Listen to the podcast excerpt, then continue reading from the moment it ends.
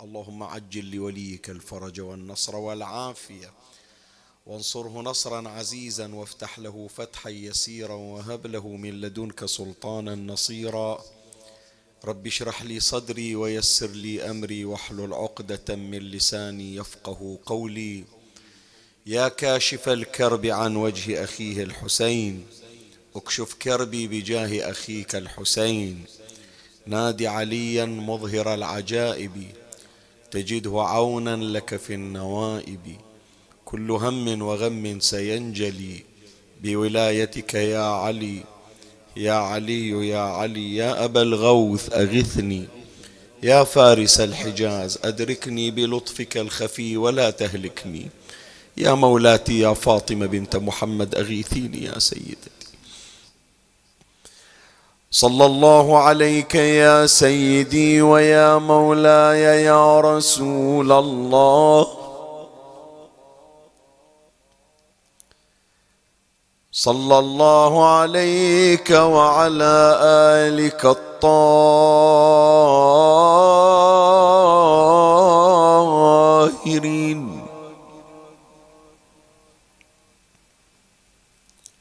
فاز من اعتصم بكم وامنا من لجأ إليكم.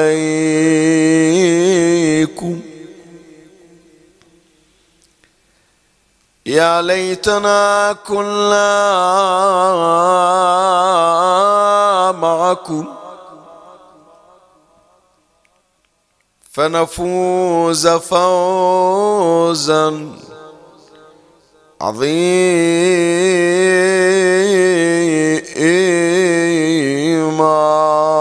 يا غريب يا مظلوم كربلاء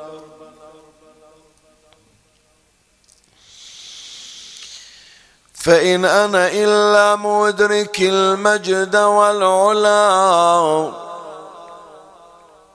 بجد وجد من علي وفاطمي.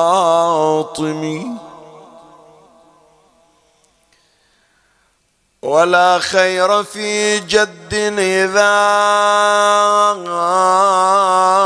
لم ينل به من المجد ما لا يرتقى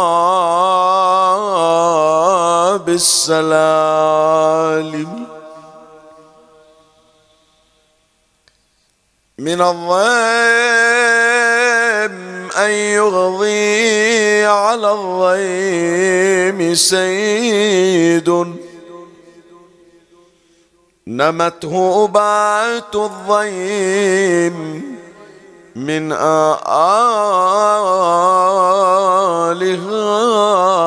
هاشمي. هم شرعوا نظم الفوارس بالقنا كما شرعوا بالبيض. نثر الجماجم.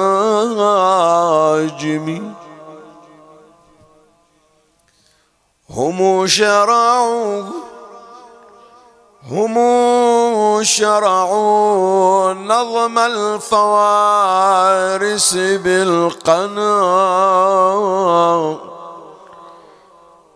كما شرعوا بالبيض.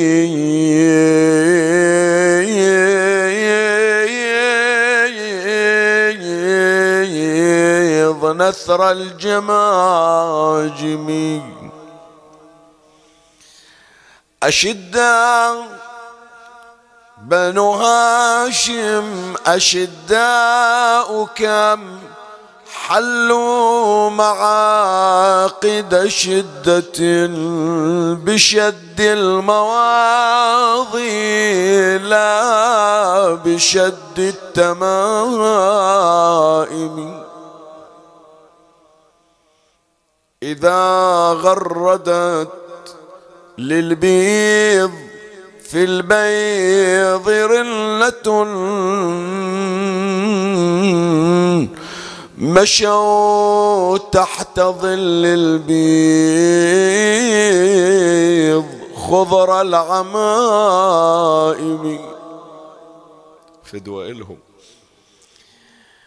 إذا غردت للبيض في البيض رلة مشوا في ظلال البيض. خضر العمايم خضر العمايم خضر العمائم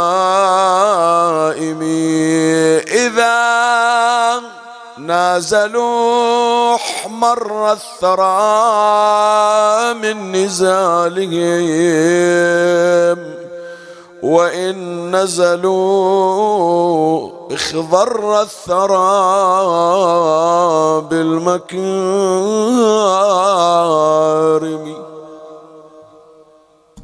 فلهفي عليهم ما قضى حتف ألفه. كريم لهم إلا بسم الوصارب. فلهفي عليهم ما قضى حتف أنفه كريم لهم إلا بسم وصارمي لا أضحك الله سن الدهر الضحكات وآل أحمد مظلومون قد قهروا.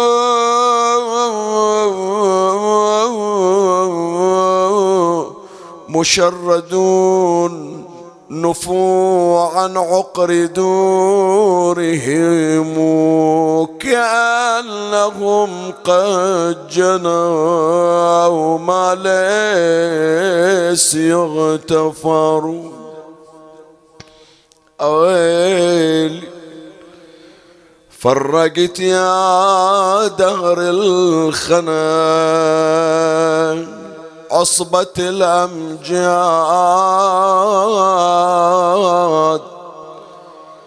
طيب حوت لابا وبرض الطاف الأولاد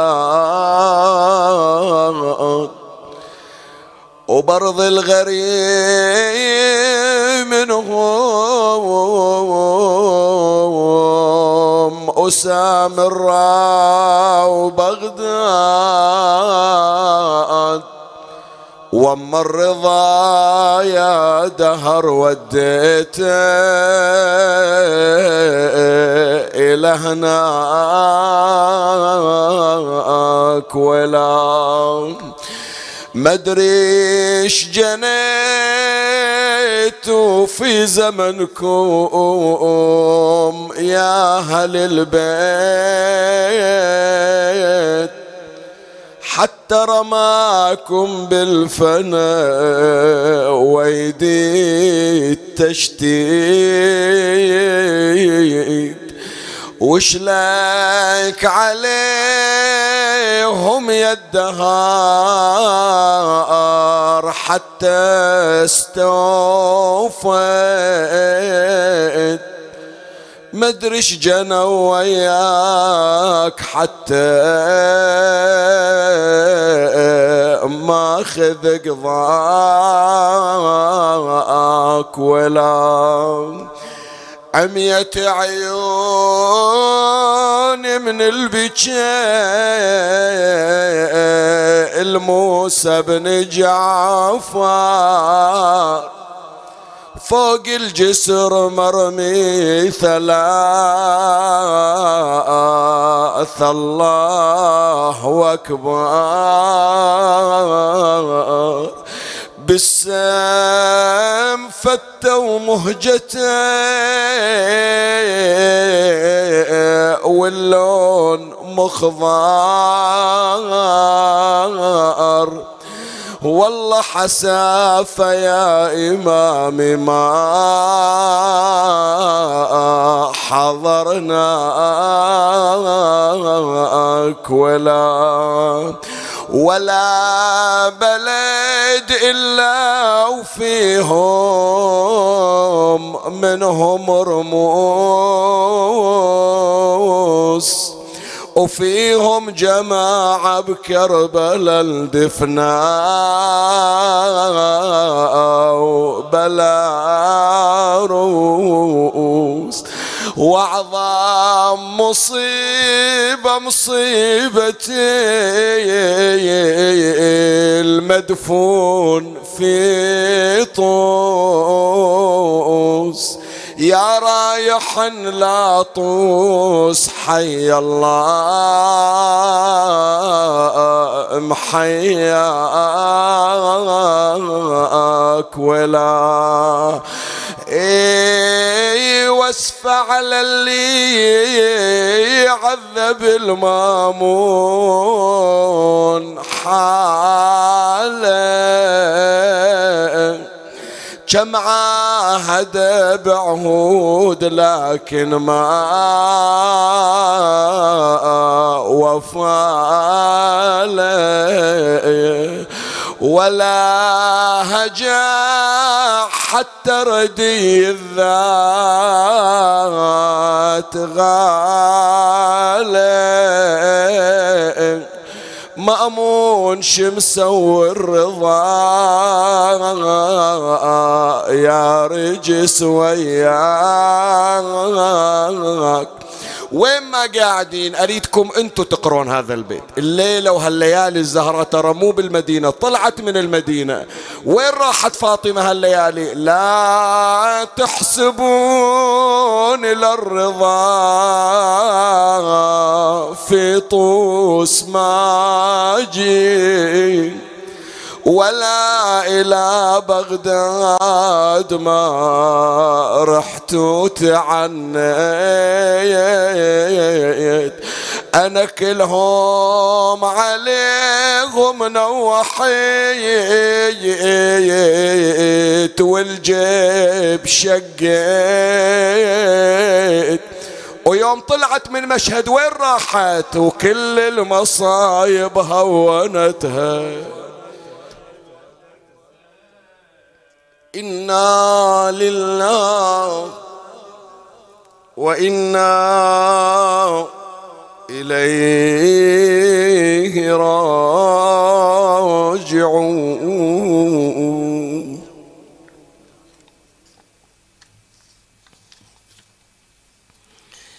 عن عبد العظيم الحسني عن أبي جعفر محمد بن علي الرضا عليهما السلام. قال ضمنت لمن زار أبي عليه السلام بطوس عارفا بحقه. الجنة على الله تعالى. اللهم ارزقنا وزيارة ضامن الجنة يا أبا الحسن يا علي بن موسى الرضا دخيلك يا سيدي. لعشاق المولى الرؤوف لعشاق ضامن الجنة لعشاق مهوى الأفئدة والقلوب. لمن قلوبهم في هذه الأيام تتحرق لرؤية تلك القبة والجلوس في ذلك الصحن. نفتتح بسم الله تبارك وتعالى وبتسديد مولاتي الزهراء عليها السلام سلسلة الشؤون الرضوية المكونة من حلقات ثلاث. هذه إحدى حلقات هذه السلسلة المباركة. ونحن نتهيأ ونحضر أنفسنا لملاقاة ذكرى رحيل وشهادة إمامنا ومعشوقنا الإمام الرضا عليه السلام. أريد أن أنقلك إلى معرفة أكبر كم وأكبر حصيلة مما يتعلق بالإمام الرضا عليه السلام. وأريد أن أعيش معك في هذا المجلس تحديدا ولمدة ثلاث مناسبات وثلاث محاضرات نتعلق فيها بالإمام أكثر وأكثر. ونتعرف من خلالها على إمامنا المعشوق الإمام الرضا عليه السلام أكثر وأكثر. وفي هذه الحلقة سوف أبتدئ أولا قبل البدء بسيرته في بقية الحلقات. يعني إن شاء الله في الحلقتين القادمتين سوف نتحدث عن بعض من شؤون الإمام سلام الله عليه عن شيء من سيرته. كذلك ستوزع بقية المحاضرات في المجالس الأخرى. لكن أنا أعلم أن هناك من لا يسعه أن يمضي إلى مجلس آخر أو إلى بث آخر. فسأجعل هذه السلسلة في هذا المجلس المبارك المكونة من حلقات ثلاث. وهناك مواضيع أخرى ستأتي إن شاء الله في المجالس الثلاثة سواء كان في مأتم الغرب في بني جمرة قرية بني جمرة أو في مأتم كرباباد الشرقي أو في مأتم المحموديات. تلك محاضرات مستقلة. لكن في هذا المجلس الشريف وكل مجالس الحسين شريفة سأخصص هذه السلسلة لهذا المجلس. وسأبتدئ في هذه الحلقة ببعض من مقامات الإمام الرضا عليه السلام. حتى أحضر قلبك لتلقي شهادة الإمام الرضا عليه السلام. حتى تأتي إلى ذكرى شهادته وأنت متعرف على بعض من مقاماته فيزداد شوقك وتزداد محبتك. هذا هو غرضي وهذا هو تمهيدي وتوطئتي لبحث هذه الليلة. الذي يتناول المقام الرضوي كما قرأتم العنوان وكما مر عليكم هذا التعبير عن حلقة هذه الليلة. المقام الرضوي. الليلة نتعرض إن شاء الله إلى بعض المقامات التي يفيض بها الإمام الرضا عليه السلام علينا في الدنيا وفي الآخرة. يعني عند الإمام الرضا عليه السلام مجموعة من المقامات أنت تجنيها منه في هذه الدنيا وفي الآخرة إن شاء الله. حتى تعلم لأي درجة أنت تحبه وحتى تعلم أنك مهما أحببت الإمام الرضا عليه السلام فلا زال حبك قاصرا في حقه فإنه يفيض عليك أكثر مما تحبه وتعشقه. شقد أنت تعشق الإمام؟ شقد أنت تحب الإمام؟ شقد أنت متشوق؟ إلى هذه الأيام تنتظر من أول ما قالوا لك صفر تقول متى يجي يوم الإمام الرضا؟ سلام الله عليه. من زود ما أحبه. شقد أنت متعلق بزيارته. شقد إذا شفت نفسك محروم من زيارته سلام الله عليه. تعتبر بأن جزءا كبيرا وعضوا مهما من جسدك فقدته. لا يكمل جسدك ولا تكمل روحك ولا تحس أنك متكامل حتى ترى بعينيك تلك القبة وحتى تلثم بشفتيك ذلك الشباك الطاهر. فالليلة راح أبين لك أنك مهما كنت محبا وعاشقا ووالها له فلا زالت عطاياه التي يغدق بها عليك أكثر من حبك وعشقك. لا تظن بأنه أنت أديت حق الإمام من الحب والعشق. لا زلنا مقصرين. وهذا ما سيمر إن شاء الله في بحثنا هذه الليلة ونحن نتعرف على بعض من مقاماته. بعض المقامات يا أحبائي يمكن مو جديدة بالفعل مو جديدة. يعني إحنا نرددها على ألسنتنا. بس أنا أحاول أن أضعك على الطريق الذي يعرفك حقيقة هذا المقام الذي تلهج به. أنت تذكر دائما لكن ما واصل إلى سرة ما واصل إلى لذته ما واصل إلى حلاوة عسل ذلك المقام.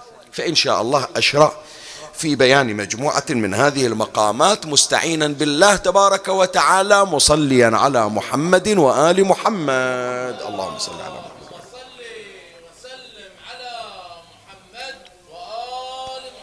كل مقام طبعا راح نذكر الرواية الدالة على ثبوت هذا المقام. أول مقام من مقامات إمامنا الرضا عليه السلام أن زيارته تقضي الحاجة.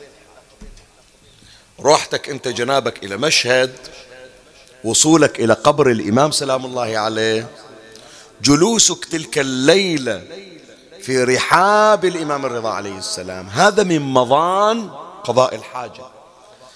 موضع الإمام سلام الله عليه قبر الإمام ضريح الإمام من المجربات للحوائج خصوصا الحوائج التي لعل العقل يحكم بأنها لن تقضى. وإذا قضيت فإنها تقضى بمعجزة. الإمام مجرب سلام الله عليه زيارته مجربة لقضاء الحاجة. وهذا ما أشار إليه الإمام الهادي عليه السلام.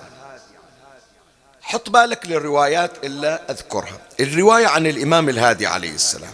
ينقلها الشيخ الصدوق في عيون أخبار الرضا. يقول الإمام الهادي من كانت له إلى الله حاجة. عندي حاجة والحاجة مي راضية تنقضي. شو أسوي؟ الإمام الهادي علمنا. يقول من كانت له إلى الله حاجة فليزر قبر جدي الرضا عليه السلام. بطوس. زين. بس أنت تروح تزور الرضا وبس؟ لا. الإمام يعلمك كيفية الزيارة. ولهذا يا أحبائي حطوا بالكم للرواية وقبل لا أكملها أنت تروح بنية الزيارة.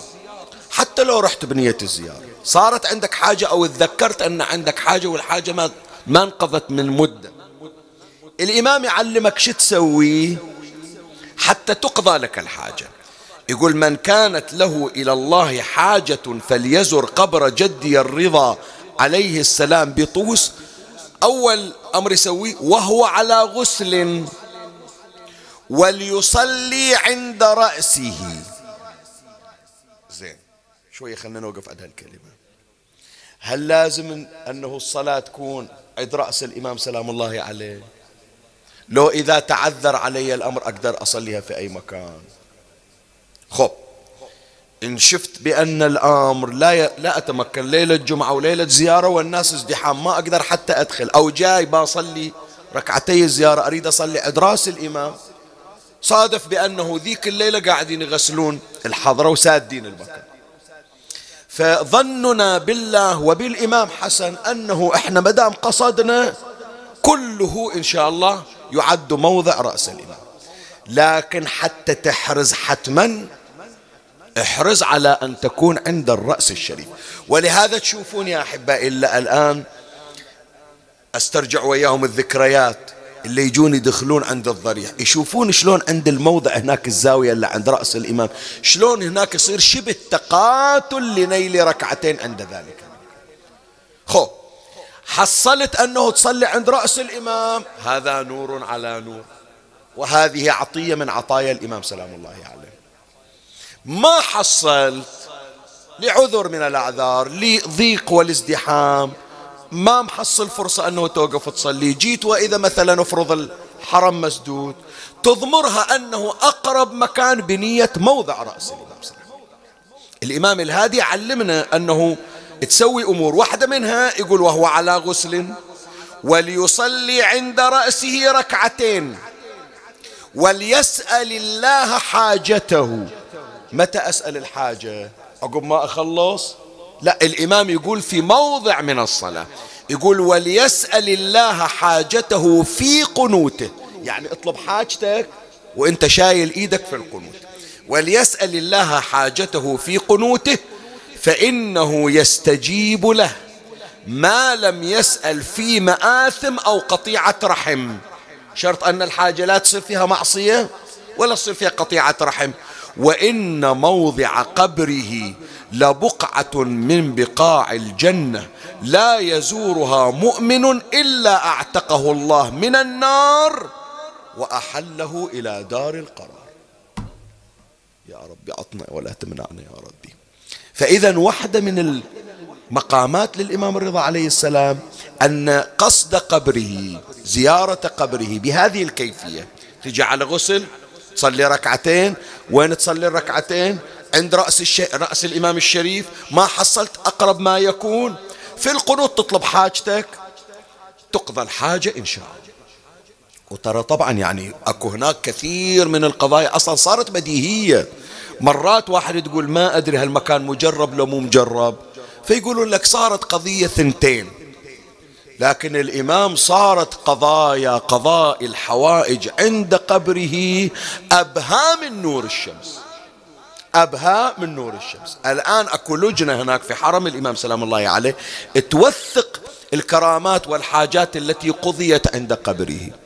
إذا صارت قضية يجيبون مثلا اللي انقضت إلى الحاجة يودونه إلى المكتب تعال شنو قضيتك؟ يقول والله قضيتي كذا. مريض مثلا عندي مرض. وين متعالج؟ يقول في المستشفى الكذائي عند الدكتور الكذائي. هذه أوراقي علاجي ميؤوس منه شفائي ميؤوس من عنده. إجيت إلى الإمام سلام الله عليه الآن فحصت ما فيني شيء. يسوون له فحص يتأكدون بالتوثيق ويسجلون الكرامات والحوائج التي قضيت عند قبره الشريف. وصلوا إلى مجلدات ما ملحقين. لأن الإمام سلام الله عليه قبره موضع قضاء حاجة.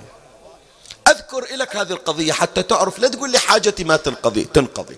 عند الرضا تنقضي. بعض علمائنا يذكر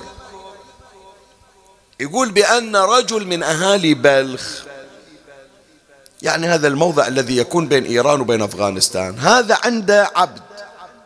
يوم من الأيام قال إلى العبد ماله أنا أفكر في زيارة الإمام الرضا عليه السلام. وأحتاج في الطريق إلى معونة إلى مساعدة أشيل أغراض أحط أغراض فأريد أخذك وياي حتى لو أردت أشيل حاجة أو شيء أنت وياي. وهم تزور إيش رأيك؟ قال نعم عمي هذه لا حصلتها زيارة الرضا. حاضر بشوفه فإجا هذا الرجل البلخي ومعه عبده ومولاه. وصلوا عند الإمام الرضا عليه السلام. خلصوا زيارة صلوا الركعتين سجد هما الاثنان لله وأطالا في السجود. لا الرجل شال رأسه من السجود ولا العبد شال رأسه من السجود. أول من رفع رأسه منه هو الرجل صاحب العبد البلخي.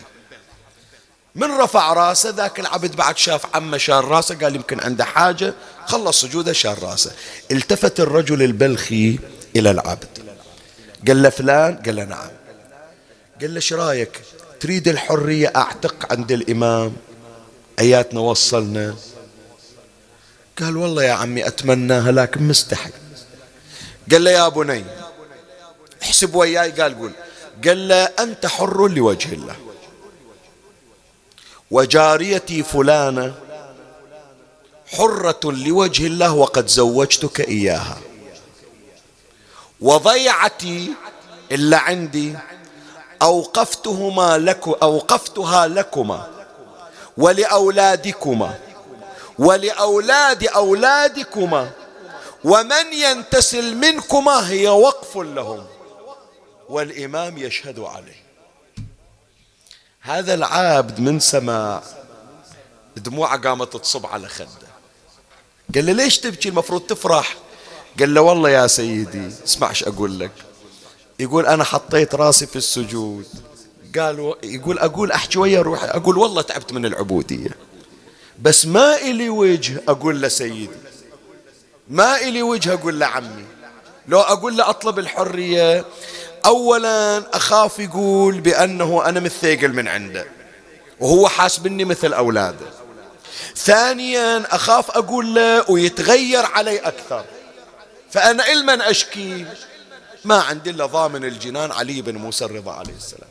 فقلت له يا سيدي أنا قاصد أنك الزيارة مو حلمان فيها أصلا.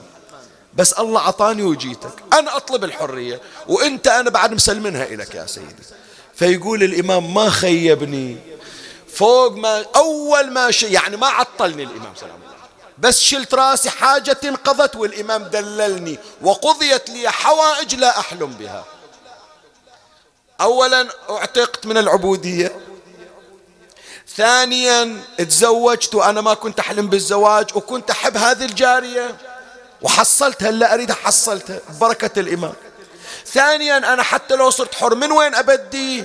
ما كنت أحلم تجيني أنا ضيعة مزرعة إلي وإلى عيالي. يقول لكن هذه من حوائج قضاها لي باب الحوائج علي بن موسى الرضا. سلام الله عليه. يعني. فواحد من صلوا على محمد وآل محمد.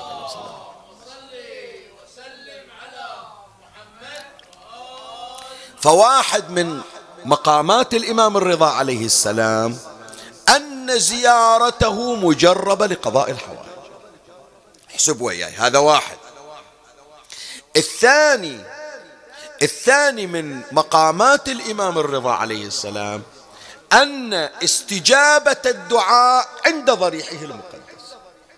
مرات أنت عندك حاجة أخرى دنيوية. مرات لا عندك دعاء تتمنى الله يستجيبه. صلاح أبنائك ذرية شخص يحس بأنه بعيد عن الله عز وجل شخص عنده ذنب والذنب مو راضي يفتش عنه مو راضي يتبعد عنه. يدعو عند الإمام الرضا عليه السلام. الدعاء عند الإمام الرضا مجرب وقلت لك كل مقام لازم أدلل عليه بالرواية. الرواية عن الإمام الرضا عليه السلام. اسمع حبيبك الإمام الرضا شيء يقول لا تشد الرحال إلى شيء من القبور إلا إلى قبورنا. وإني مقتول بالسم ظلما ومدفون في موضع غربة. ومدفون في موضع غربة فمن شد رحله إلى زيارتي شي حصل قال استجيب دعاؤه وغفر له ذنبه. حاجة دعاء ما يستجاب؟ صار له مدة في البحرين يدعو ما تستجاب دعوته؟ خله يجي عندي في مشهد. خله يطلب حاجته عند قبري. شوف الله يستجيب إلى لو ما يستجيب إلى. زين يتولد عندنا تساؤل شيخنا وين الله يستجيب لي؟ حتى لو الرضا عظيم. بس أنا عندي موانع. أنا عندي موانع. أنا عندي ما يحول بيني وبين استجابة الدعاء. لو وين أروح؟ لو بجوف الكعبة أروح. لو أتعلق بشباك الرضا. لو من الحسين للعباس ومن العباس للحسين. ما يفيد الذنب اللي عندي. هذا ما, ما يخلي دعائي يستجاب. وهذا الذي أشار إليه الإمام أمير المؤمنين عليه السلام في دعاء كميل اللهم اغفر لي الذنوب التي تحبس الدعاء. أكو ذنب مثل الكلبشة مثل الهفكري مثل القيد. حتى لو الدعاء طلع من لسانك بحلق بيروح فوق إلى السماء حتى يستجاب يجي الذنب يحط فيه هذا الكلبشة وينزله ما يوصل. فيقول أنا شو أسوي؟ رحت إلى مشهد قصيت التذكرة ورحت إلى مشهد. بس أنا أعرف هذا الذنب الذنب يحبس دعائي. ما يفيدني لا مشهد ولا غير مشهد. لو عندي ستين مشهد ما تفيدني. لا. خلي أخلي قلبك الليلة ينشرح بحب الإمام الرضا عليه السلام. وتعرف. صح. أنت يمكن عندك من الذنوب ما يحول بينك وبين استجابة الدعاء. بس تعرف لما تدعو عند الإمام الرضا شنو الفرق؟ الإمام يقول لك مو أنت اللي تدعو. أنت عطني حاجة. عطني دعائك. أنا بدالك أنا اللي راح أدعو. الإمام يرد الرضا؟ يردني أنا العاصي. يردني أنا المذنب. لكن يتفضل علي الإمام الرضا فيدعو نيابة عني. فإذا دعا الإمام الرضا لا تحجب دعوته فيستجاب دعاء الإمام وتقضى حاجتي أنا. وهذا موجود عندنا ترى في الروايات يا إخواني حتى تعرفون الليلة أريدك تزداد شوقا وحبا لزيارتي. وحتى تعرف يوم إجت هالأزمة وحالت بيننا وبين الوصول إليه ترى فاقدين شيء لو قلوبنا مشيولة أهون علينا. لأن قلوبنا هي الرضوية. قلوبنا متشربة بحبه عليه السلام. شوف حتى تعرف حقيقة هذا المعنى اللي أقول لك أن الإمام سلام الله عليه هو الذي يدعو لك. في الحديث القدسي أن الله عز وجل أوحى إلى موسى قال ادعني بلسان لم تعصني به. دور لي لسان ما عصيتني به وادعني به. أما اللسان العاصي أنا أعاقبه. إذا ما عرف قيمة رحمتي وإذا ما عرف قيمة رأفتي أخلي ذنبه يحول بين دعائه وبين استجابتي. فإنت تريد تدعوني يا موسى ادعوني بلسان لم تعصني به. فقال يعني موسى أنى لي بذلك من وين أجيب لك يا ربي لسان ما عصاك من وين أنا أجيب لسان ما عصاك الألسن كلها ملوثة بالذنوب والمعاصي. فقال الله عز وجل ادعني بلسان غيرك. زين لسان غيري. الآن يوسف يقول شيخنا نسألك الدعاء. طيب هو هذا لساني ما أذنب؟ أذنب. شلون إذا اللسان الغير هم مذنب صح. لساني أذنب ذنب لي لكن ما أذنب ذنبي ليوسف. فإذا هو هذا اللسان قذر بالنسبة لي لكن طاهر بالنسبة له. فمن أدعو له وهو يدعو لي الله عز وجل يستجيب لنا الاثنين كل للآخر. تعرف قيمة لما أقول لواحد أسألك الدعاء لا تنساني من الدعاء. هذا اللسان الذي لم يعصي. عصى لنفسه لكن ما عصى إليك. فهو لسان لم تعصني به. أنت عصيتني بلسانك ما عصيتني بلسان غيرك. مشكلة سيد. سيد أقول لك مشكلة. هذا اللي واحد من يعصي يعصي لروحه. لكن اللي يخلي مجموعة يعصون الله بألسنتهم لنفسه. إيه؟ اللي يقعدون في مجلس يقول يلا كلكم اشتغلوا في الغيبة. هذه يرجع ذنبها لمنو؟ للمبتدئ بالغيبة.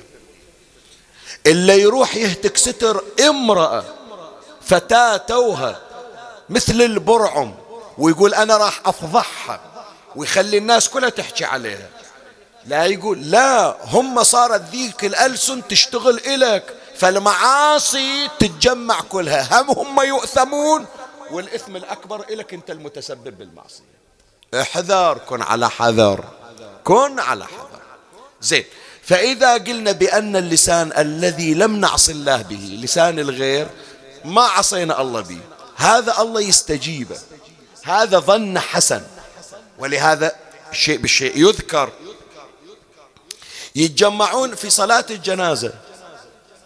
اسمع إيش أقول لك. يتجمعون في صلاة الجنازة. إحنا عندنا في الأدعية. اللهم إنا لا نعلم من ظاهره إلا خيرا. وأنت أعلم به منا. زين أنا من قلتها أنا عاصي أنا صاحب ذنوب.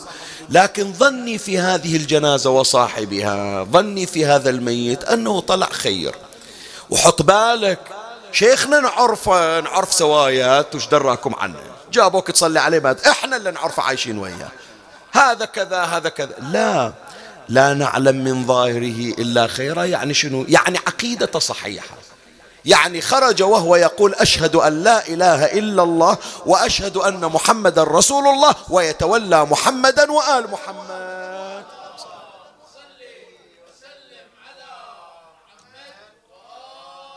فإحنا لما نقول يا رب إحنا نظن في ظن حسن الله يقول دعاءكم إلى راح أمضي. حتى لو أدري عنا لما تدرون. فأنا أقبل شهادتكم وأغفر له ما أعلمه. شوف أثر الدعاء شلون. فأنت تصور أدعية بعضنا البعض لبعضنا البعض يا إخواني هذه مستجابة. شو تقول؟ الله يرجع دعاء علي بن موسى الرضا. الله ما يرجع دعائي أنا العاصي. يرجع دعاء الإمام الرضا. نظلم الإمام الرضا. فإذا قبر الإمام الرضا عليه السلام مجرب لاستجابة الدعاء. كم مقام الحين صار عندنا أبو علي؟ اثنين. قضاء الحاجة واستجابة الدعاء. هذا كله في الدنيا. هذا حتى أبين لك مقامات الإمام الرضا عليه السلام في الدنيا. بعد. قبر الإمام الرضا عليه السلام مختلف الملائكة. تعرف مختلف الملائكة شنو؟ إحنا من نجي نزور النبي نزور الزهراء نزور أمير المؤمنين نزور الإمام الحسين نزور أئمة البقيع؟ إيه السلام عليكم وعلى ملائكة الله المقيمين في هذا المشهد الشريف. السلام عليك وعلى ملائكة الله الحافين بحرمك الشريف المستغفرين لزوارك. فإذا في ملائكة موكلين. حتى في الاستئذان يقول أأدخل يا ملائكة الله الموكلين بهذه البقعة? يعني هذول خلوا فوق خلوا العرش خلوا الجنة. صارت جنتهم وين؟ قبر الحسين. صارت جنتهم وين؟ قبر أمير المؤمنين سلام الله عليه. وظيفتهم هناك يستغفرون للزوار. بس عند الرضا لا. عند الرضا ويا الملائكة المقيمين. أكو ملائكة بس ينزلون ويصعدون ولا يصعد ما ينزل مرة ثانية وينزل غيره ولا ينزل يب يزور ويصعد ولا ينزل غير مرة ثانية وهكذا. مختلف الملائكة. اسمع هذه الرواية. الرواية الآن هو الإمام الرضا عليه السلام ينقلها لنا. يقول إن بخراسان لبقعة يأتي عليها زمان تصير مختلف الملائكة. ولا يزال فوج ينزل من السماء وفوج يصعد. هذا كل يوم. ملك نازل ملك صاعد. ملك نازل ملك صاعد. ملك نازل. وهكذا. دوالك زين إلى متى هالحكي؟ بس في صفار بس السنة عشرين عشرين. شوف الإمام شو يقول. تصير مختلف الملائكة ولا يزال فوج ينزل من السماء وفوج يصعد إلى أن ينفخ في الصور. يعني إلى يوم القيامة. الملائكة مستمرة صعدة ونزلة فقيل له يا ابن رسول الله وأي بقعة هذه؟ قال هي بأرض طوس هي بأرض طوس وهي والله روضة من رياض الجنة. من زارني في تلك البقعة كان كمن زار رسول الله. صلى الله عليه وآله. وكتب الله تعالى له ثواب ألف حجة مبرورة وألف عمرة مقبولة. وكنت أنا وآبائي شفعاءه يوم القيامة.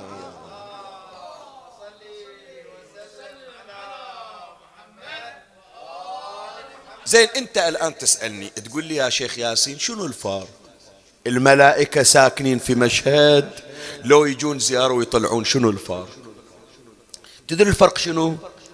سيدنا الفرق أن ذول الملائكة اللي يجون هذول قنوات وصول الحاجة إلى الله. هذا الملك اللي يجي بريد إيميل مالك ترى. هذا زين ال DHL مالتك. تحط حاجتك عنده يودي يوديها على وجه السرعة إلى الله عز وجل. فإحنا احسب وياي هذا الحساب عليك. أنا بعطيك الشغلة وأنت احسبها. لو أخلي الحسبة صوبك أبو علي يمكن أنت أضبط في ال calculator. زين. عندي أنا 120 ألف ملك. هذول ساكنين في مشهد عند الرضا من أجي أعطي حاجتي ويستلمونها 120 ألف. كم لسان يحكيها لله؟ كم إيميل يروح؟ أحسن. 100 غلبك السيد ترى. 120 ألف. إنزين. هذول ثابتين. لين افترضنا بأنه هل 120 ألف في 24 ساعة؟ يعني نضرب 120 ألف في 24 كم يطلع العدد؟ مليونين؟ مليونين وكم؟ احسبوها أنتم اللي قاعدين. أولادنا وبناتنا الجامعين يحسبونها. فتضربها هذا المية وعشرين ألف في أربعة وعشرين ساعة. فيصير عندك كم إيميل يحمل حاجتك إلى الله؟ اضرب العدد شوف يستوي. زين فوق مليونين وثمانمية أزيد يمكن. هذا إحنا زين مليونين وثمانمية حاجة تروح إليك.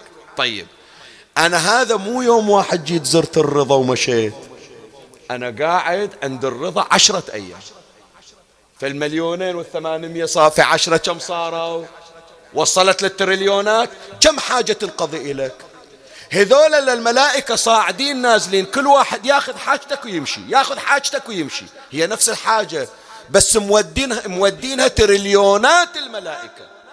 حتى تعرف ليش آبائنا الأول على فقرهم يقعدون عند الرضا شهر ولا يكفيهم. هذول مو أهل جهل يا جماعة ولا هم عاطلين ما عندهم شغلة في البحرين. بس يقول حاجتي ليش أخلي ملك واحد اللي يوديها؟ أخلي ملائكة لأن الملائكة تصعد وتنزل عند قبر الرضا. فهذول يسرعون إذا ملك الله ما استجاب إلى الثاني العاشر المئة الله ما يرجع ذول الملائكة. وهذه نحصلها في ليلة القدر. هل معنى هذا؟ موجود في ليلة القدر. مو تقرأ تنزل الملائكة والروح فيها بإذن ربهم من كل أمر. سلام هي. شنو يعني سلام هي حتى مطلع الفجر؟ واحدة من معانيها يعني الملائكة الأعداد الهائلة تجي تسلم عليك وتاخذ حاجتك من ليلة القدر. عند الرضا عليه السلام تأتي الملائكة الزائرة للإمام الرضا فتستلم حاجتك. هذا يقول عطني إياها هذاك يقول عطني إياها هذاك يقول عطني إياها. وكلهم يصعدون بحاجتك إلى الله فتقضى حاجتك بمختلف الملائكة النازلة عند إمامنا علي بن موسى الرضا عليه السلام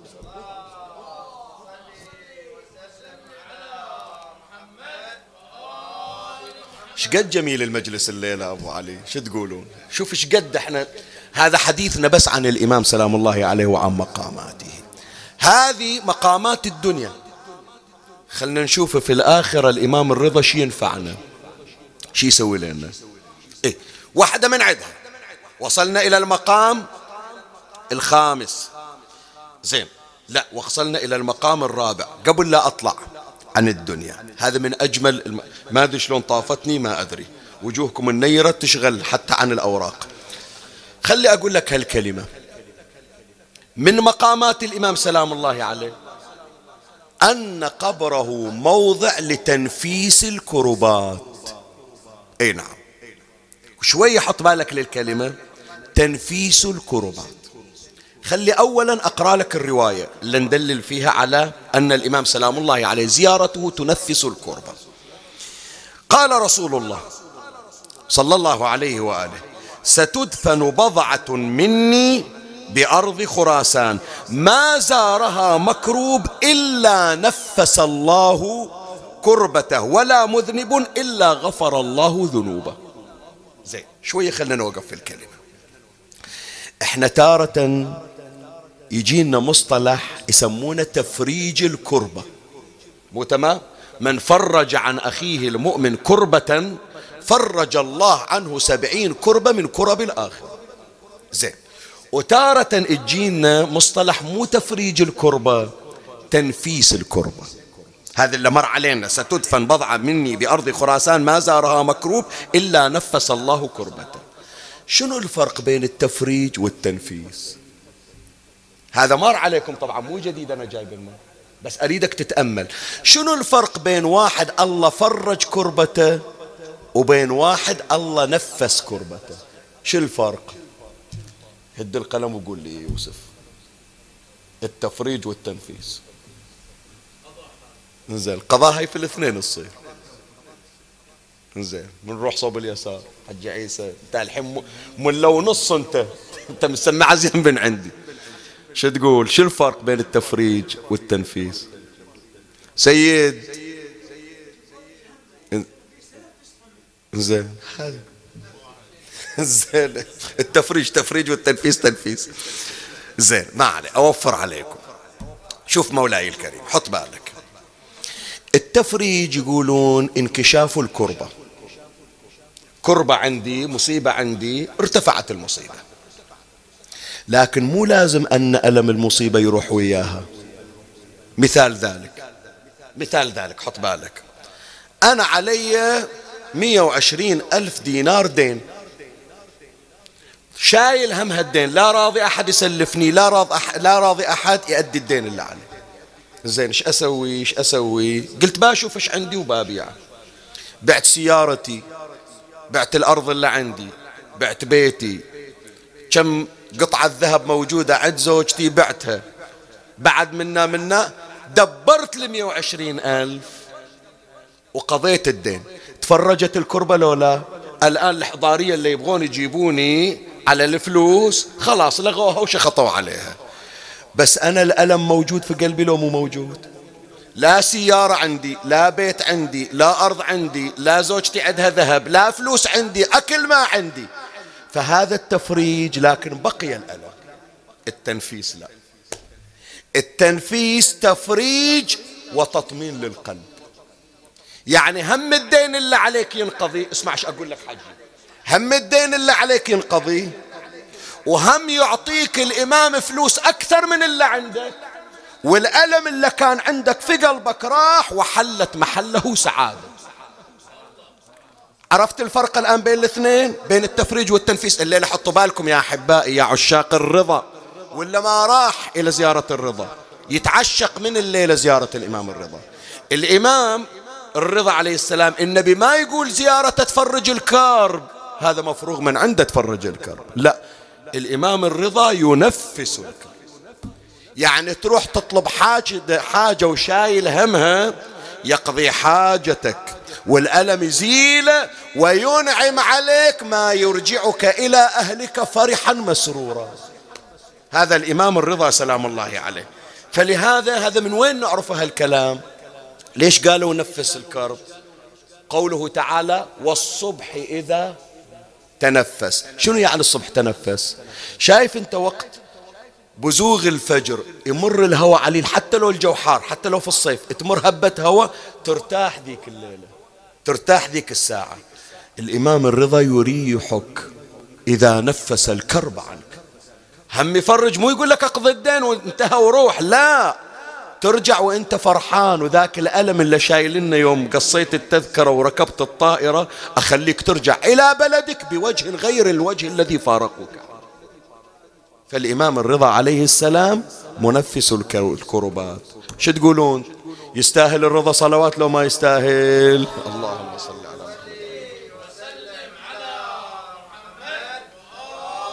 فهذه أربع مقامات للإمام سلام الله عليه في دار الدنيا. خلنا نمر سريعا على المقامات الأخروية للإمام الرضا. إذا أنت فرحان في الدنيا أنت بحاجة الرضا في الآخرة أكثر منك في الدنيا. تمام لولا أنا محتاج ذاك اليوم. الإمام سلام الله عليه أكثر من حاجتي له في الدنيا. في الدنيا ما يخالف راضي بالفقر. لكن باكر شي خلصني شوف الإمام شلون إلى مقامات في يوم القيامة. واحد من مقامات الإمام الرضا عليه السلام في القيامة. شنو؟ حضوره عند تطاير الكتب يمينا وشمالا. هذه اللي أنتم تعرفونها أنا أدري. أنتم ملأى بالمعلومات. لكن عندنا من أولادنا ما يعرفون هالكلام. شنو يعني تطاير الكتب شيخ؟ حتى ترى بعض الكبار يسمع عنها حتى إحنا من نجي وقت التلقين ثم اعلم يا فلان أن الموت حاق والغسل حاق والكفن حاق والقبر حاق وسؤال منكر ونكير حاق والبرزق حق والقيامة حق وتطاير الكتب حق. مو الشكل إحنا في التلقين نسمع؟ شنو يعني تطاير الكتب؟ شوف عمي بس قبل لا أقول لك اسأل من الله الرحمة. واسأل أن يرحم والديك وأمواتك والمؤمنين والمؤمنين يوم القيامة نوقف بين يدي الله. فإذا وقفنا بين يدي الله أخذ الله في سؤالنا. الملفات كلها من يوم التكليف إلى يوم أطلع من الدنيا. إيش سويت؟ إيش سويت؟ إيش سويت؟ إيش سويت؟ حتى اللي ناسينه ما لهذا الكتاب لا يغادر صغيرة ولا كبيرة إلا أحصاها. زين. خلصنا من ذاك الحساب. زين. هذا كله كل كلمة حطوا عليها تك. كل كلمة حطوا عليها تك. هذه خلصنا هذه خلصنا هذه خلصناها. جل ملف الجاهز. يا فلان خذ ملفك حاسبناك صححناه استلمه. حتى تشوف وين يودونك؟ ياخذونك للجنة لو للنار زين. الكتاب أول ما ينتهون من المحاسبة شي يسوون؟ الكتاب يطير يرمونه عليك. إن كان استلمت الكتاب بيدك اليمين صرت من أهل الجنة صرت أنت ناجح. لين جابوا الكتاب صوب اليسار؟ اللهم يا مجيب. ولهذا تذكر من تجي تتوضا وتقرأ الأدعية في الدعاء. من تغسل إيدك اليمين شو تقول؟ اللهم أعطني كتابي بيميني والخلد في الجنان بيساري وحاسبني حسابا يسيرا. ليش طالبينها باليمين؟ لأنه من تستلم النتيجة؟ يعني أنت صرت باليمين يعني أنت من أهل الجنة. زين. أنا الحين من الحين قمت حاتي ما أدري باكر. الفولدر مالي الملف مالي بيعطوني إياه بأي إيد؟ يمين لو يسار. إيه هني يحضر علي بن موسى الرضا. فدوة إلك سيدي فدوة إلك يا مولاي. الإمام وعدك ترى اللي رحت لمشهد وزرته شوف رواية الإمام سلام الله عليه. يقول الإمام من زارني على بعد داري أتيته يوم القيامة في ثلاث مواطن حتى أخلصه من أهوالها. إذا تطايرت الكتب يمينا وشمالا. لا تقول الكتاب ما أدري بيجيني بأي الإمام الرضا يقول لك عمي هي تبكي عيونك ترى. الإمام الرضا يقول لك أنا برسم الخدمة أشيل كتابك وأعطيك إياه بيمينك غير تعنيت وجيتني إلى مشهد لا تخاف. أنا حاضر أنا اللي أعطيك الكتاب بيمينك بيدي أسلمك. الإمام سلام الله عليه يقول من زارني على بعد داري أتيته يوم القيامة في ثلاث مواطن حتى أخلصه من أهوالها. متى؟ قال إذا تطايرت الكتب يمينا وشمالا وعند الصراط وعند الميزان. يقول ما أخليه آخذ من إيده إلى أن أدخل الجنة. علي بن موسى الرضا عليه السلام. هذا واحد من مقاماته. بعد تسمع أنت يوم القيامة يوم تراها تذهل كل مرضعة. أما أرضعت. وين أنا باروح وين أنا يودوني؟ خاف يسحقوني بالنعل. خاف لا أعرف أهلي لا يعرفوني أهلي. أصحابي ما أعرفهم جماعتي ما يعرفهم. يمكن نتلاقى في الجنة لكن من أطلع من القبر وين أروح؟ الإمام الرضا شوف شو يقول لك؟ غير جيت زرتني؟ يقول تدري وين أوديك؟ وشوف وين يوديك. أعلى نقطة في القيامة يحطك يحطك فيها. اسمع الإمام شو يقول. الإمام الجواد عليه السلام يقول من زار قبر أبي عليه السلام بطوس غفر الله له ما تقدم من ذنبه وما تأخر فإذا كان يوم القيامة نصب له منبر. وين؟ بحذاء منبر رسول الله. صلى, صلى الله على محمد.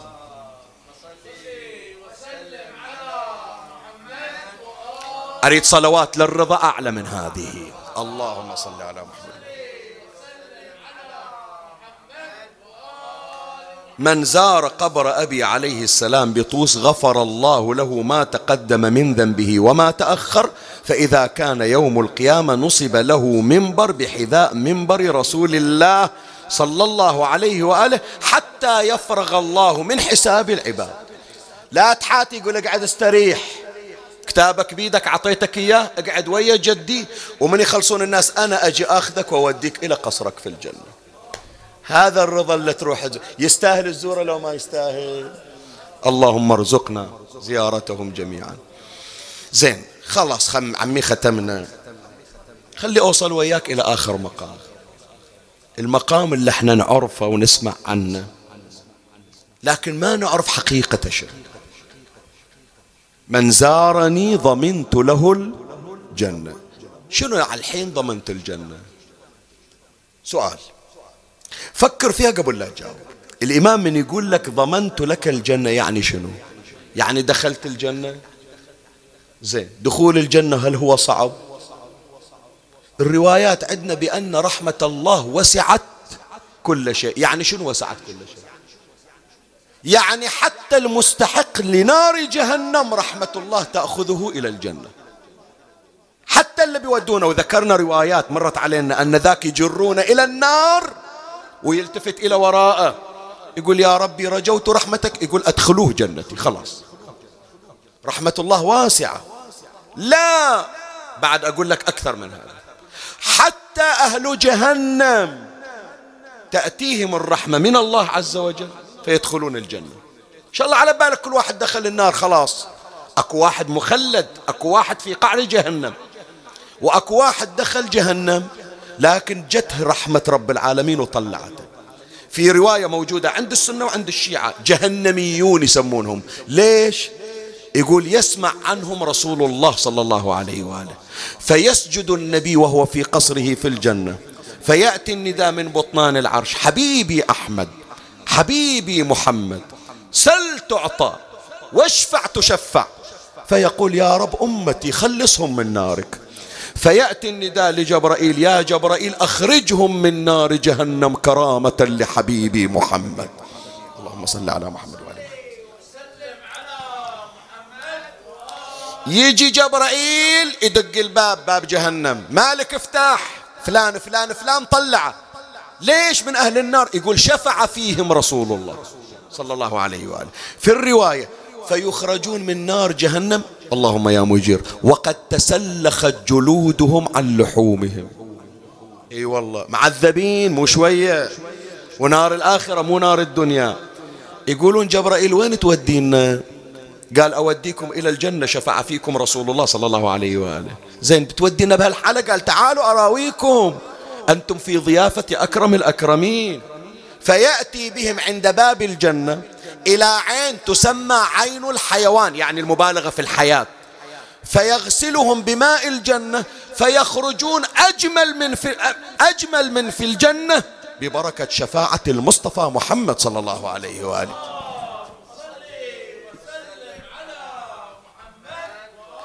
فدخول الجنة يا إخواني مو شيء عسير رحمة الله واسعة. إذا شنو ميزة ضمانة الرضا؟ من يقول لك الرضا أنا ضامن لك دخول الجنة. قضية مو بس دخلت الجنة. تدري يعني شنو؟ حطها في بالك دكتور هذه الليلة فكر فيها. واحدة منها أبوك باكر يمكن يخليك. الرضا يقول لك أنا أبوك. إي نعم. يوم يفر المرء من أمه وأبيه أبوك تعال ساعدني يا أبويا أنت تشيلني على ذراعك في الدنيا. أنا يوم طحت مريض أنت اللي شلتني أنت اللي رفعتني في الأسعاف ما خليت أجنبي يشيل جنازتي. أنت اللي شلتني أنا محتاجك الآن. يقول ما أقدر يا ولدي يا يلا يا الله الحسنات تفيدني. الرضا يقول لك أنا أبوك. باب الجنة مفتوح وقصري مفتوح لكن ما أقدر أدخل. أول أدخل زواري إلا جوني. إذا أبوك ما يدورك أنا أجي أدورك. حتى تعرف كلمة النبي أنا وأنت يا علي أبوا هذه الأمة. بعد بعد. سمعوا يا بناتي.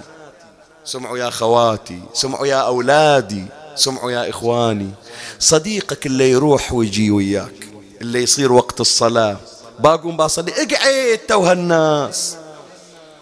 اللي يجي خدعك اللي يجي خدعك تقولين له يقول أي توبة؟ هو بس هالذنب اللي عندك. يا الله حط الذنب على الذنب.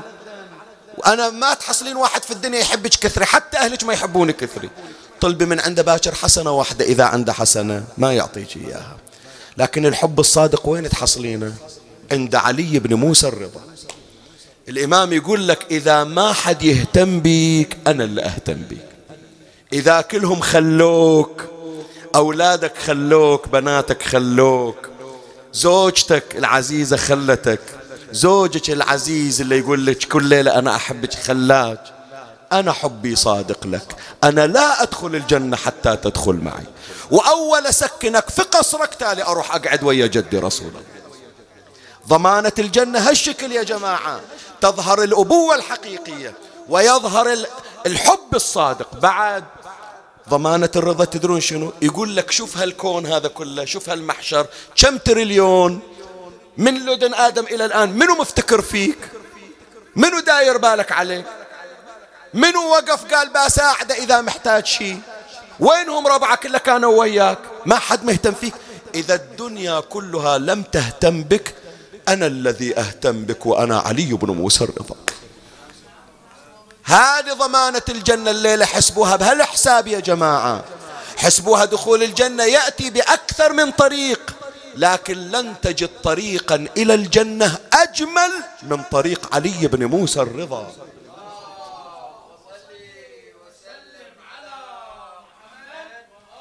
خلاص عمي مجلس انتهى بعدش أقرأ لك أكثر. البكاء حصلته الروحانية حصلتها النورانية حصلتها إن شاء الله الليلة منسوب حب الرضا في قلبك تضاعف. باكر من تجي ليلة الشهادة ليلة الوفاة وتبكي عليه. أعرف تبكي على منه تبكي على حبيبك تبكي على أبوك. تبكي اللي يمكن أنت تمل من زيارته وهو بقبره هناك في مشهد يشتاق يقول متى يجون يزوروني؟ باكر تبكون عليه أريد بكاء من دم تبكون عليه. خلي أقرأ لك هذه مسك الختام. اسمع الإمام الرضا. شي يقول إلى دعبل الخزاعي؟ يا دعبل أما القبر الذي في طوس فهو لي. يا دعبل ستروني فيه بعد أيام قلائل تنقضي من الأيام والليالي. فلن تموت يا دعبل حتى ترى قبري في طوس مختلف الملأ. يجون الزوار ما تشيلهم الصحون كل ما بنوا صحون ما لحقوا ويا الزوار. يقولون الملايين عند كربلاء أثار مشهد كربلاء ثانية صارت. حتى ترى قبري في طوس مختلف الملأ من شيعتنا أهل البيت. اسمع فمن زارني في غربتي. وبعد مدائي ضمنت له في يوم القيامة على الله الجنة.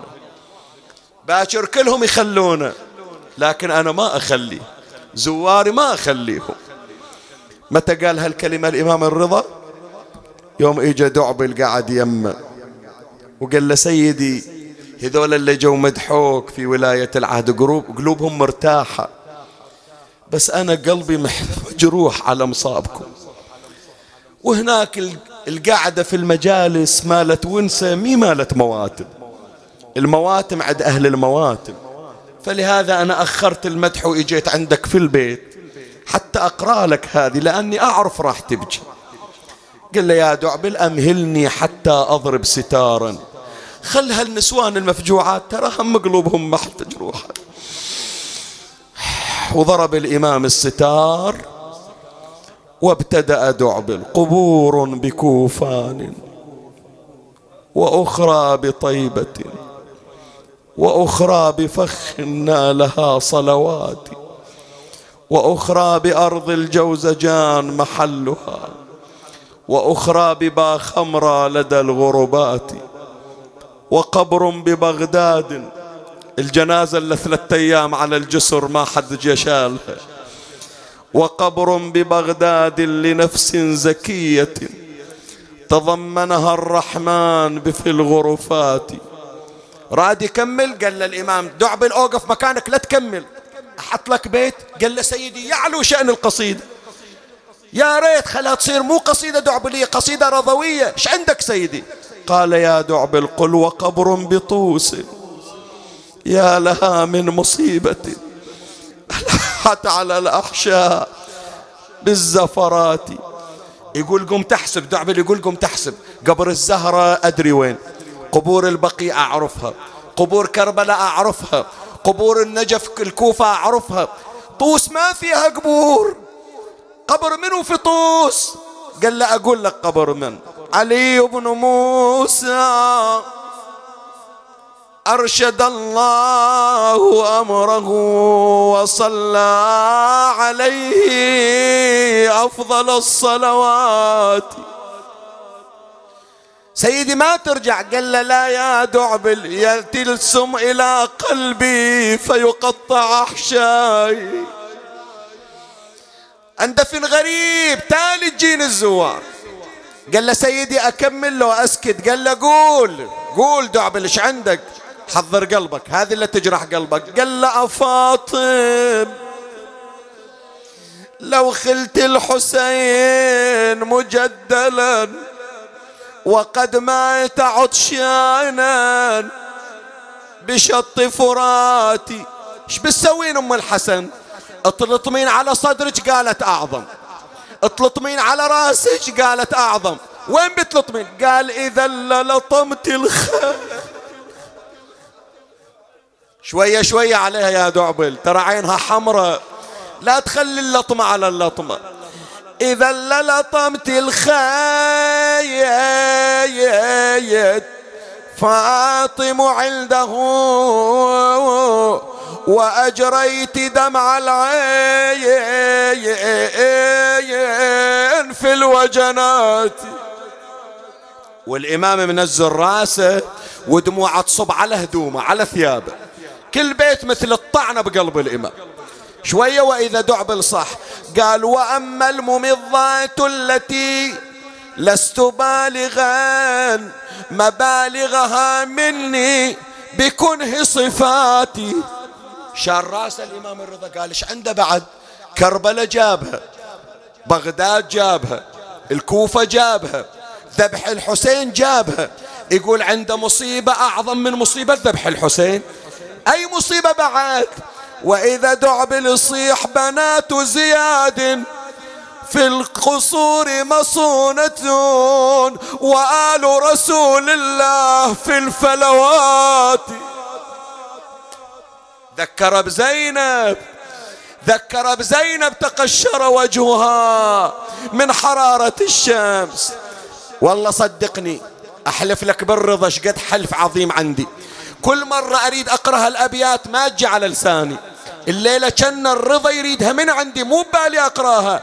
صاحت خويا ما أقدر أنا ما أقدر بعد على الهضم ما أقدر خويا ما أقدر قلبي لو أن صخر مرمر من هالمصايب جات وفطر خويا ما شفت الضعن يا حسين من مار. عليك ومسير بشدة الحار. سيد حط إيدك على أذنك ولا تسمع. أنا من أنزل تأشر علي وتسكتني. خاف هذا يأذيك وتعاتبني. تقول له يا أبو علي من الشمس وجهي تقشر. ما قايلك يأذيك. خويا ومن طببوني السجن الأغبار. خويا من طببوني السجن لقشار تبسم يزيد وضحك مستار. خويا عقب القصور بالسجن آمر. والله يا خويا السجن اكشار ليش؟ ما يمنع من الشمس والحار. خويا ما يمنع ابن الشمس والحار. يا خويا من الشمس وجهي تقشى أنا حاط في بالي اقرا ابيات ثانية. اثار الرضا يريد أبيات هذه. إجت هند مثل هالليالي ترى. قالوا من شوف هالسبايا هذه. إجت تدور عليهم واحدة ورا الثانية. قالت هذه هالقاعدة كأنها فاطمة الزهرة. منو انتي أنت من وين؟ قالت من المدينة. قالت أقعد وياك كرامة لساكن المدينة. تعرفين الحسين؟ تعرفين أبو علي؟ أنا عايشة بالمدينة في ربا الحسين. بعد تعرفين الرباب عزيزة الحسين؟ تعرفين سكينة مدللة الحسين؟ بعد يا مسبية أكو وحدة لساني ما يطاوعني أذكر اسمها. تعرفين مخدرة الحرائر زينب وإذا ما زينب شالت راسها قالت هند إيش سويت بينا؟ سائلين عن راس الحسين عن الحسين راسه عند يزيد يضربه بخيزرانته تسائلين عن الرباب هذه القاعدة بالشمس تبكي هذه الرباب. تسائلين عن سكينة هل محاطة راسها بين ركبتيها؟ هي سكينة. زين وانت مني؟ صاحت أنا زينب اللي يحجون عني ارحم روحك شوي ارحم روحك. بعد إلي شغل بيك جاي الوفاة وجاي الأربعين. أنا زينب اللي يحجون عني. أنا تمرمرت من صغر. سلي سليت المصايب ما سل اللي صار البكا والنوح يا عزيزة وأخويا حسين ذلني لا والله يا زينب الحسين ما يذل أحد الحسين يعزنا ما يذلنا. لكن إذا أنت زينب أسألك سؤال. أنت زينب ليش غيرت الزمان؟ هواية بعيوني أحس متغيرة. إلها الكثر يم الحزن متروسة شيب الصار بي كبدا فلا صار بمرض. تقلها يا هند اللي شفته مو قليل. شفتي؟ شفت اخويا حسين طاح على الثرى. شف الذباحة إجا وسيف بيديه داس بن علي ونحر هبره. أنا شفت تخيل الكفر من داست عليه. خلت الأضلاع كلها ومن بلدة تهدى إلى شر بلدة. ومن ظالم تهدى إلى شر ظالم. اللهم صل على محمد وآل محمد. إخواني المؤسسين إلى المجلس جزاهم الله خير الجزاء. عدهم مرضى وفي حالة حرجة ادعوا لهم وادعوا لسائر المرضى. بسم الله الرحمن الرحيم. أمن يجيب المضطر إذا دعاه ويكشف السوء. أمن يجيب المضطر إذا دعاه ويكشف السوء أمن يجيب المضطر إذا دعاه ويكشف السوء اللهم تفضل على مرضاي ومرضاكم ومرضى المؤسسين بالشفاء والعافيه اللهم اقبل شفاعة إمامنا الرضا عليه السلام فيهم وتفضل عليهم بدفع البلاء وصرف السوء وبالصحة والشفاء يا سميع الدعاء. اللهم تفضل علينا بقضاء حوائجنا وحوائج من سألون الدعاء وحوائج المؤمنين والمؤمنات. اللهم ارزقنا في القريب العاجل زيارة إمامنا الرضا والعتبات المقدسة. اللهم ترحم على موتى الباذلين والمؤسسين وموتاي وموتى الحاضرين. وجميع السامعين وشيعة أمير المؤمنين وسائر المسلمين يا رب العالمين. أوصل لهم ثواب هذا المجلس وبلغهم جميعا ثواب الفاتحة مع الصلوات.